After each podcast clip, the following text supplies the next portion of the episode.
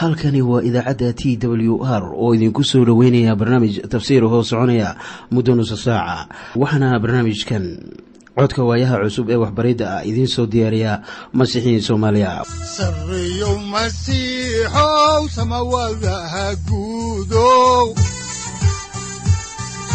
Siraadkii adduunkow subanaha eebow sareyow masiixow samawadaha guudow siraadkii adduunkow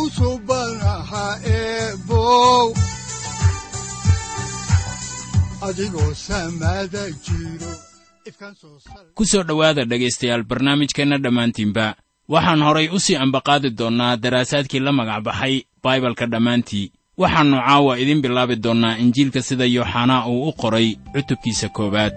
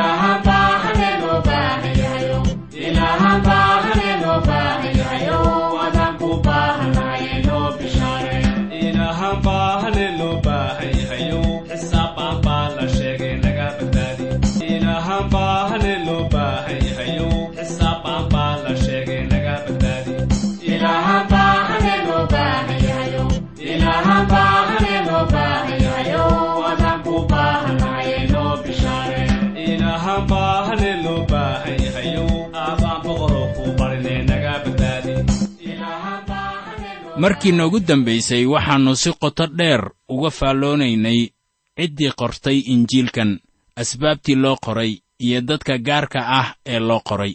Waxaanan idiin sheegnay inaannu lahayn dad gaar ah ee loo qoray laakiin waxaannu nidhi haddii dad loogu tala galay injiilkaas waxaa leh dadka reer bariga.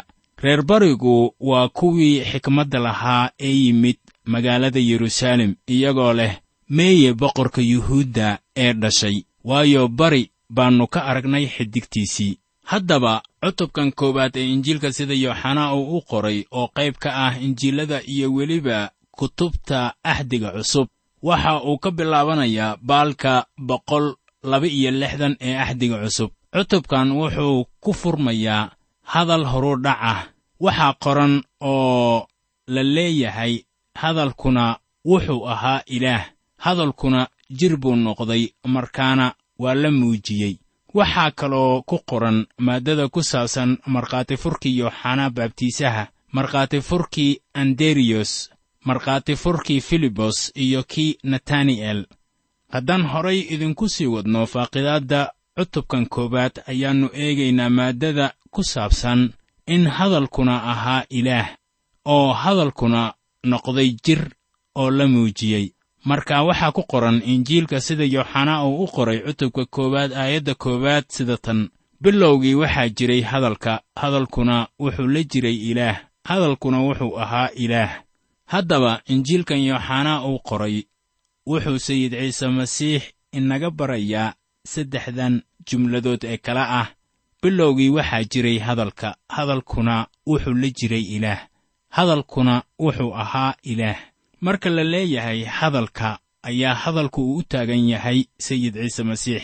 Haddaba in macnaha dhabta ah ee saddexdaas jumladood ka dambeeya la soo saaro ma ahan wax fudud. Runtii sayid ciise masiix ma ahan mid astaan u ah filosofiyiinta giriigta ah laakiin waxa weeye kan weheliye qorniinka cibraaniga ah. Markaana waxaad ogaataa sida hadalka muhiim uu ugu yahay axdigii hore. Tusaale ahaan magaca yehova lama soo qaadi jirin. Wuxuu ahaa hadal quduus ah oo dadka reer banu israa'iil ayaan soo magac qaadi jirin. Laakiin kani waa midka ururinaya wax waliba ee looga sheegay isaga axdigii hore. Waxaana haatan laynoo barayaa sida mid joogay bilowgii. Haddaba marka la leeyahay bilowgii waxay dhaafsiisan tahay hadalkii koowaad ee lagu qoray baibalka waayo waxaa qoran bilowgii ilaah samada iyo dhulkuu abuuray. Haddaba bilowga noocaas ah waa mid la taariikhayn karo. Inkastoo anigu aanan rumaysnayn in qofi si saxiix ah uu u taariikhayn karo waa wax aan qiimi lahayn in la yidhaahdo bilowgii dunida waxaa laga joogaa afar kun iyo afar sannadood. Bilxaqiiqa haddii la yidhaahdo ha la taariikheeyo. Goortii ilaah dunidan uu beeray amaba abuuray. Waxay gaari karaysaa balaayiin sannadood. Marka aynu xaalkaasi ka hadlaynana waxaynu eegaynaa ilaah weligiiba jira. Haddaba markii aad eegto abuurnintii dunida isaga halkaas ayuu joogay. Sababtaas ayaa loo leeyahay bilowgii waxaa jiray hadalka. Waxaa markaasi ogaataa erayga la isticmaalay inuu yahay jiray laakiin aannu ahayn jira. Marka waa ficil tegey halkan kuma qornaa bilowgii ayaa hadalku bilowday ama dhashay waxaana taasu ay tibaaxaysaa in ficilkaasu uu ahaa mid socda. Waxaana loola jeedaa in hadalku u jiray bilowgii. Haddaba waa bilow ceenkee ah. Waxaa la odhan karaa bilowgu waxa weeye in allah intaad xisaabi karto taariikhda. Baibalku wuxuu leeyahay un bilowgii ilaah samada iyo dhulkuu abuuray. Sida ku qoran kitaabka bilowgii cutubka koowaad aayadda koowaad. Miyaa haddaba taasu ay ku taariikhaysan tahay bilowgii ilaah waxaan ku leeyahay maya haddiise aad doonayso inaad bilowgiisa ogaato waxaan u malaynayaa inaanan maskax bini'aadan iyo fara lagu tiri karaynin. Ilaah waa mid weligii jiray wuxuu ka yimid wakhti daa'imis ah isagu bilow ma leh. Waxaa markaasi yooxanaa uu leeyahay bilowgii waxaa jiray hadalka isagu halkaas buu joogay markii wax waliba ay bilaabanayeen. Qof baa laga yaabaa inuu yidhaahdo waa in bilow uu jiraa waxaan markaasi qofkaasi ku leeyahay meel waliba oo aad taariikhdiisa ka bilowdaba. Isagu wuxuu u yimid inuu kula kulmo waayo waxaa qoran bilowgii waxaa jiray hadalka. Jumladda labaadina waxay odhanaysaa hadalkuna wuxuu la jiray ilaah. Tani caddayn weyn bay ka bixinaysaa in isagu waa hadalka eh aannu la mid ahayn ilaaha aabbaha ah. Marka isaga kuma sifayn kartid inuu yahay ilaaha aabbaha ah waayo waxaa la leeyahay hadalkuna wuxuu la jiray ilaah. Marka la leeyahay hadalka waxaa loola jeedaa ciise masiix. Qof baase ku doodi karaya haddii uu ilaah la joogay dee hadalku ma ahan ilaah. Markay halkan joogto ayaannu u baahannahay inaan horay u sii soconno oo aan baarno jumladda saddexaad ee leh. Hadalkuna wuxuu ahaa ilaah. Haddaba qidcadan ama jumladan ayaa naadinaysa in sayid ciise masiix uu yahay rabbi. Haddaba qorniinkan wuxuu ku qornaa luqadda giriigga oo luqadda giriiggana erayga muhiimka ah ayaa la soo hormariyaa. Marka jumladdan waxay luqadda giriigga ugu qoran tahay ilaahna wuxuu ahaa hadalka. Haddaba taas waa wax la caddeeyey caddayn intaasi ka badan heli maysid. Haddaba ma waxaad doonaysaa inaad ka takhallusto rabbaaninimada masiixa. Saaxib ma ahan wax aad ka takhallusi karto. Saddexda jumladood ee ugu horreeya injiilka sida yooxanaa uu u qoray ayaa isku xidhaya ciise masiix iyo rabbaaninimadiisa waayo waxaa qoran bilowgii waxaa jiray hadalka. Hadalkuna wuxuu la jiray ilaah. Hadalkuna wuxuu ahaa ilaah waxaannu haatan hoos ugu dhaadhacaynaa aayadda afar iyo tobanaad ee isla cutubkan koowaad waxaana qoran sida tan. Hadalkuna jir buu noqday oo waa ina dhex joogay oo waxaannu aragnay ammaantiisa taas oo ahayd ammaantii u ekayd tan wiilka keliya ee aabbaha ee nimco iyo runka buuxa. Saddex jumladood oo kale ayaa aayaddan lagu soo qaatay oo waxay kala yihiin hadalkuna jir buu noqday oo wuu ina dhex joogay ee nimco iyo runka buuxa. Waxaa suuragal ah in filosofiyiinta ay yaraha kan lahaayeen markii aynu ku jirnay aayadda koowaad. Laakiin haatan halkan way ku adag tahay inay asmacaan.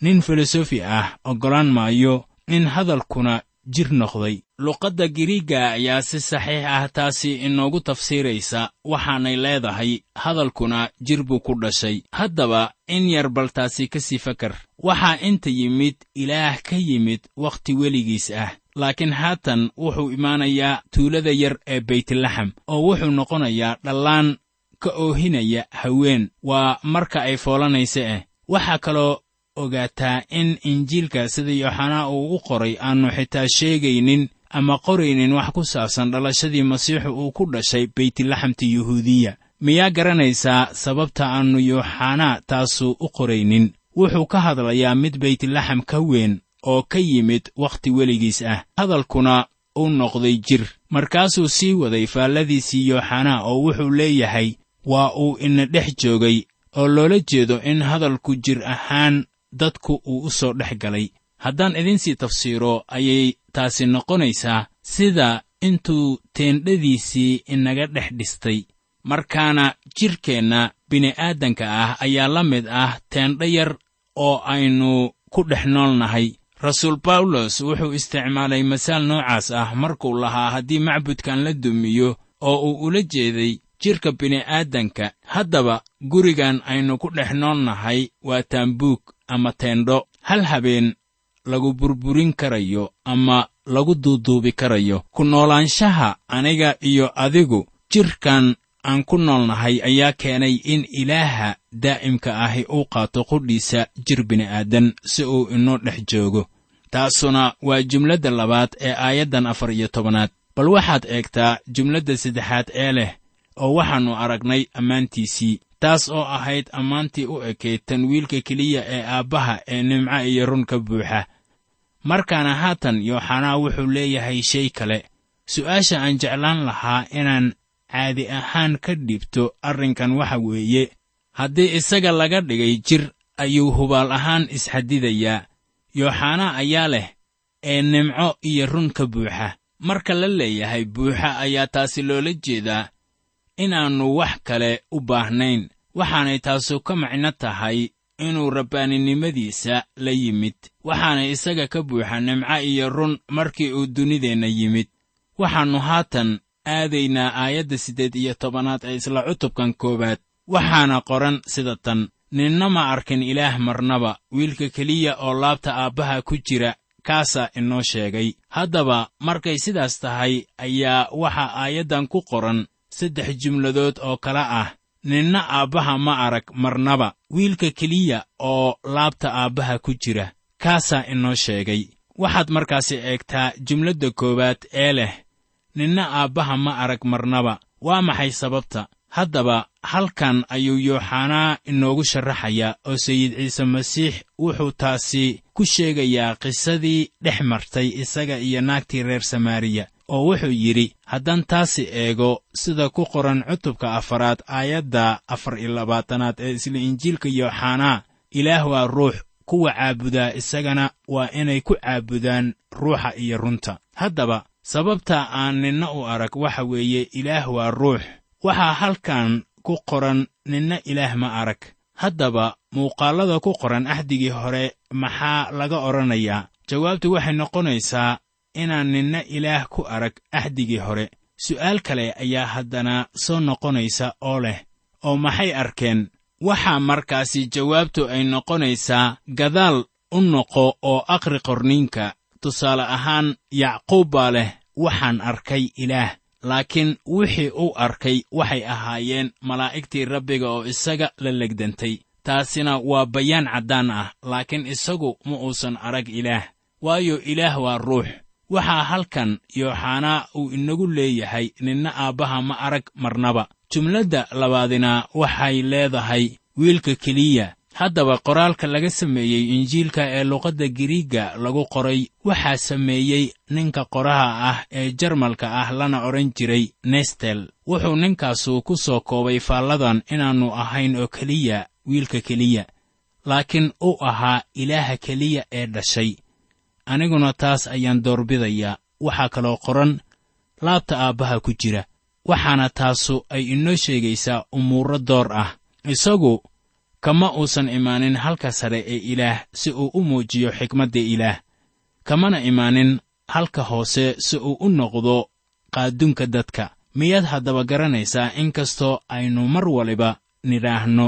Wuxuu ahaa addoon inaannu cidna kabaha u casayn. Miyuuse qof xadgudbay waa maya. Cidna kuma uusan xadgudbin ama ma uusan xumaynin. Wuxuuba yidhi sida ku qoran injiilka sida yooxanaa uu u qoray cutubka lixaad aayadda siddeed iyo soddonaad oo leh waayo waxaan samada uga soo degay ma aha inaan doonistayda yeelo laakiinse inaan yeelo doonista kii i soo diray. Isagu wuxuu ahaa addoonkii ilaah oo wuxuu u yimid inuu ilaah u adeego oo marka uu u adeegayo aabbaha ayuu weliba howl u qabanayaa dadka. Kama uusan imaanin madaxa wuxuuse ka yimid laabta aabbaha wuxuuna u yimid inuu muujiyo maanka ilaah. Waayo waa wiilka keliya ee laabta aabbaha ku jira. Haatan jumlada saddexaad ayaa kaamilaysa aayadda siddeed iyo tobanaad waxayna leedahay kaasaa inoo sheegay. Waxaa taasi loola jeedaa in wixii ciise masiix uu sameeyey ay ahayd inuu ilaah muujiyo miyaad garanaysaa wax taasi ka weyn? Waxaa halkan jooga mid ka yimid wakhti weligiis ah iyo ilaahii carshigan oo ah abuuraha wax waliba. Markaasuu qaatay jir bini'aadan oo dadkii buu ilaah barayaa saaxib habka keliya ee aad ilaah ku garanayso waa adigoo marka hore soo mara masiixa. Ciise wuxuu u yimid inuu muujiyo ilaah waayo isaguba waa rabbi. Weli maanan dhammayn jumladdan saddexaad oo waxaa jira shay kale. Bal aynu isku darno aayadaha koowaad ee saddexdan qaybood ee aannu ka soo hadalnay. Si bal aad ku ogaataan saddexdan qaybood ee aynu idin akhrinnay qaybta koowaad waxa ay ku qoran tahay injiilka sida yooxanaa u qoray aayadda koowaad iyo cutubka koowaad waxaana aayaddanu ay ka kooban tahay saddex jumladood. Kan koowaadina waxa weeye bilowgii waxaa jiray hadalka. Jumladda labaadina waxa weeye hadalkuna wuxuu la jiray ilaah. Jumladda saddexaadna waxa weeye hadalkuna wuxuu ahaa ilaah. Injiilka sida yooxanaa uu u qoray cutubka koowaad aayadda afar iyo tobanaad ayaa iyana waxaa ku qoran saddex jumladood. Tan koowaadina waxa weeye hadalkuna jir buu noqday. Kan labaadina waxa weeye wuu ina dhex joogay. Jumlada saddexaadina waxa weeye ee nimco iyo run buuxa. Injiilka sida yooxanaa uu u qoray cutubka koowaad aayadda siddeed iyo tobanaad ayaa iyana waxaa ku qoran saddex jumladood. Tan koowaadina waxa weeye ninna ma arkin ilaah marnaba. Tan labaadina waxa weeye wiilka keliya oo laabta aabbaha ku jira. Tan saddexaadina waxa weeye kaasaa inoo sheegay.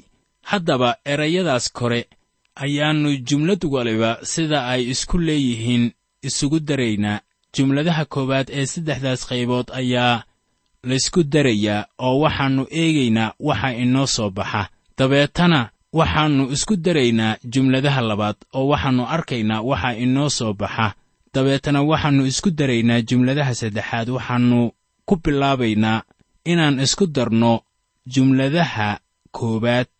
Waxaana qoran sida tan. Bilowgii waxaa jiray hadalka. Hadalkuna wuxuu noqday jir ninna ilaah ma arag marnaba.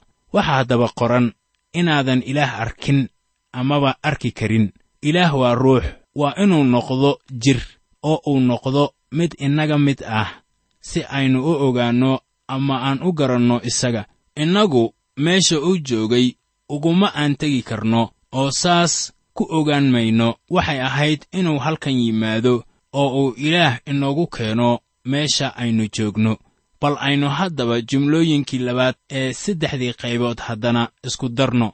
Waxaa qoran hadalkuna wuxuu la jiray ilaah oo wuu ina dhex joogay. Wiilka keliya oo laabta aabbaha ku jira kaasaa inoo sheegay. Bal in yar ka fakar marka la leeyahay malaa'igo ayaa isaga u sujuuday isagu ilaah buu la jiray oo uu ahaa wiilkiisa. Rasuul bawlos oo ciise wax ka qoraya ayaa leh oo inuu ilaah la sinnaado kuma uu tirin intaasu ay tahay boobis. Taasuna waxay tahay inaannu jaamacad u gelin inuu ilaah noqdo. Ma ahayn wax uu howl u qabtay si uu ku gaaro. Mana ahan derajo uu mutaystay iskumana dayin inuu ilaah noqdo. Markii uu ilaah ka soo tegayey walaac kama muujinin in cid kale ay booskiisa gelayso waayo isaguba wuxuu ahaa kan laabta aabbaha ku jira oo ah rabbi. Halkan dunideenna ah buu yimid oo wuxuu ku dhashay beytlaxamti yuhuudiya halkaasoo ay joogeen arrijirro aan badnayn. Wuxuu aaday naasaret iyadoo aan ninna waxba ka garanaynin muddadii soddonka sannadood ahayd ee uu naasaret joogay. Ilaah inooga yimid wakhti daa'im ah ayaa ina dhex joogay oo wuxuu tegay naasaret iyadoo shaqadiisuna ay ahayd nijaar oo muxuu sidaas u yeelay sababtu waxa weeye inaad isaga garato aawadeed. Jidka keliya ee aad ku garanayso waxa weeye inaad ninkan ciise masiix ah marka hore aad isbarataan kaasoo ah wiilka keliya ee laabta aabbaha ku jira kaasoo inoo muujin kara innaga waxaad haddana eegtaa jumladii saddexaad ee saddexdii qaybood ee aynu ka soo hadalnay waxayna kala yihiin hadalkuna wuxuu ahaa ilaah oo waxaannu aragnay ammaantiisii taas oo ahayd ammaantii u ekayd tan wiilka keliya ee aabbaha ee nimco iyo runka buuxa. Kaasaa inoo sheegay haddaba markii dunida u yimid wuxuu ahaa ilaah oo nimco iyo run ka buuxa marka la leeyahay kaasaa inoo sheegay ayaa loola jeedaa inuu yahay kan keliya ee ilaah si wacan inoo bari kara. Haddaan xaalkan inta ku dhaafno ayaannu eegaynaa haatan umuuro kale. Bal aan su'aal ku weyddiiye sidee baa carshigan ama koonkan loo qaybiyaa amase imise ayuu u qaybsamaa? Si bal aynu taasi jawaab ugu helno ayaa waxaa habboon inaan soo xiganno. Qiso dhex martay nin wadaad ah iyo nin sayntiista ahaa. Ninkan wuxuu ahaa nin farsameeya gantaalka sare ee samada aada oo ay leeyihiin dalka maraykanka ee la yidhaahdo sbace shatle colombiya ninkii sayntiistaha ahaa ayaa hadalkii ku hormaray oo wuxuu yidhi miyaad saaxiibow og tahay in carshigan ilaah laga sameeyey saddex waxyaabood. Isagoo hadalkiisa sii wata ayuu yidhi waxaan rumaysanahay in ilaah wax waliba uu ku shaabadeeyey saddexnimada rabbaaniga ah saddexnimadaasu waa ruuxa quduuska ah ciise masiix iyo ilaaha aabbaha ah. Markaasaa wadaadkii u yidhi ii wad sheekada. Sayntiistihii oo hadalkiisii sii wata ayaa yidhi carshigan ilaah waxaa loo qaybiyaa wakhtiga hawada cidlada ah iyo walxada. Haddii aad baarto heli maysid mid afraad oo aad ku darsato. Tan xiisaha leh waxa weeye buu yidhi in wakhtiga hawada cidlada ah iyo walxadu ay ka kooban yihiin wax kasta ee carshigan yaalla. Sidaan wada garanayno brofesoorku wuxuu yidhi wakhtiga ayaa isna saddex loo qaybiyaa. Waa saddexdaasi wakhti tegey mid weli soo socda iyo saaka waxa jooga. Waxaa loola jeedaa wixii la soo dhaafay waxa iminka taagan iyo waxa imaan doona ama mustaqbalka. Mid afraad oo taa lagu dari karana ma jirto ayuu yidhi haddaba aynu isla eegno hawada cidlada ah. Hawada cidlada ah waxay ka kooban tahay buu yidhi dherer ballar iyo sare joog. Ma wax kale oo lagu daro ayaa jira. Waa sidee walxadu. Walxuhu waxay iyana ka kooban yihiin tamar dhaqdhaqaaq iyo namuunno. Taasna buu yidhi brofesoorku waa saddexdan qaybood ee min saddexda ah oo dunideennana ama carshigan ballaaran waxaa astaan looga dhigay saddexnimadan rabbaaniga ah balse waxaan faalladaasi qiimaha leh aynu horay idinku sii wadaynaa habeenka xiga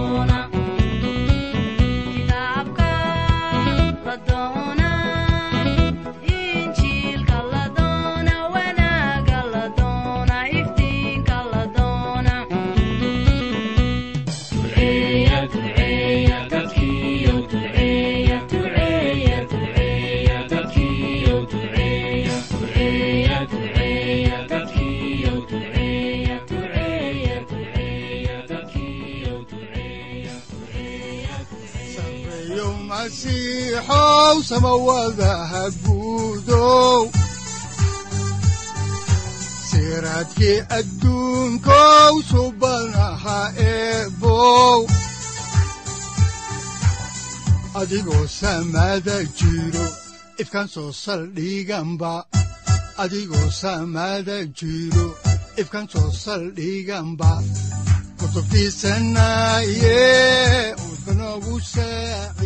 halkani waa t w r idaacadda t w r oo idinku leh ilaa ha idin barakeeyo oo ha idinku anfaco wixii aad caawi ka maqasheen barnaamijka. Waxaa barnaamijkan oo kalaa aad ka maqli doontaan habeen dambe. Hadahan oo kale haddiise aad doonaysaan in aad fikirkiina ka dhiibataan wixii aad caawi maqasheen ayaad nagala soo xiriiri kartaan som t w r at t w r c o k e haddii aad doonaysaan in aad dejiisataan oo kaydsataan barnaamijka ama aad mar kale dhegaysataan fadlan mar kale booqo www t w r o r g. Amase www t t b t w r o r g. Amase waxaad teleefoonkaaga ku kaydsataa ama ku download garaysataa agabyada ku sahli karaa dhegeysiga t w r haddii aad doonayso in laga kaalmeeyo dhinacyada fahamka kitaabka amase aad u baahan tahay duco fadlan fariimahaaga soo mari bogga aaraahda ama kommentska inana jawaab degdeg ah ayaanu ku soo diri doonaa amase ku siin doonaaye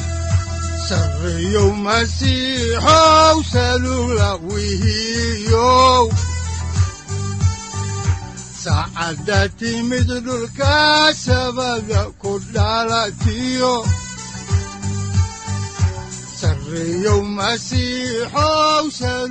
halkani waa t w r oo idiin rajaynaya habeen baraare iyo barwaaqaba leh inta aynu ka gaari doono wakhti aynu ku kulanno barnaamij la mida kan caawayay aad maqasheen waxa aan idinku leeyahay nabadda ciise masiix ha idinku badato xagga jidhka iyo ruuxaba aamiin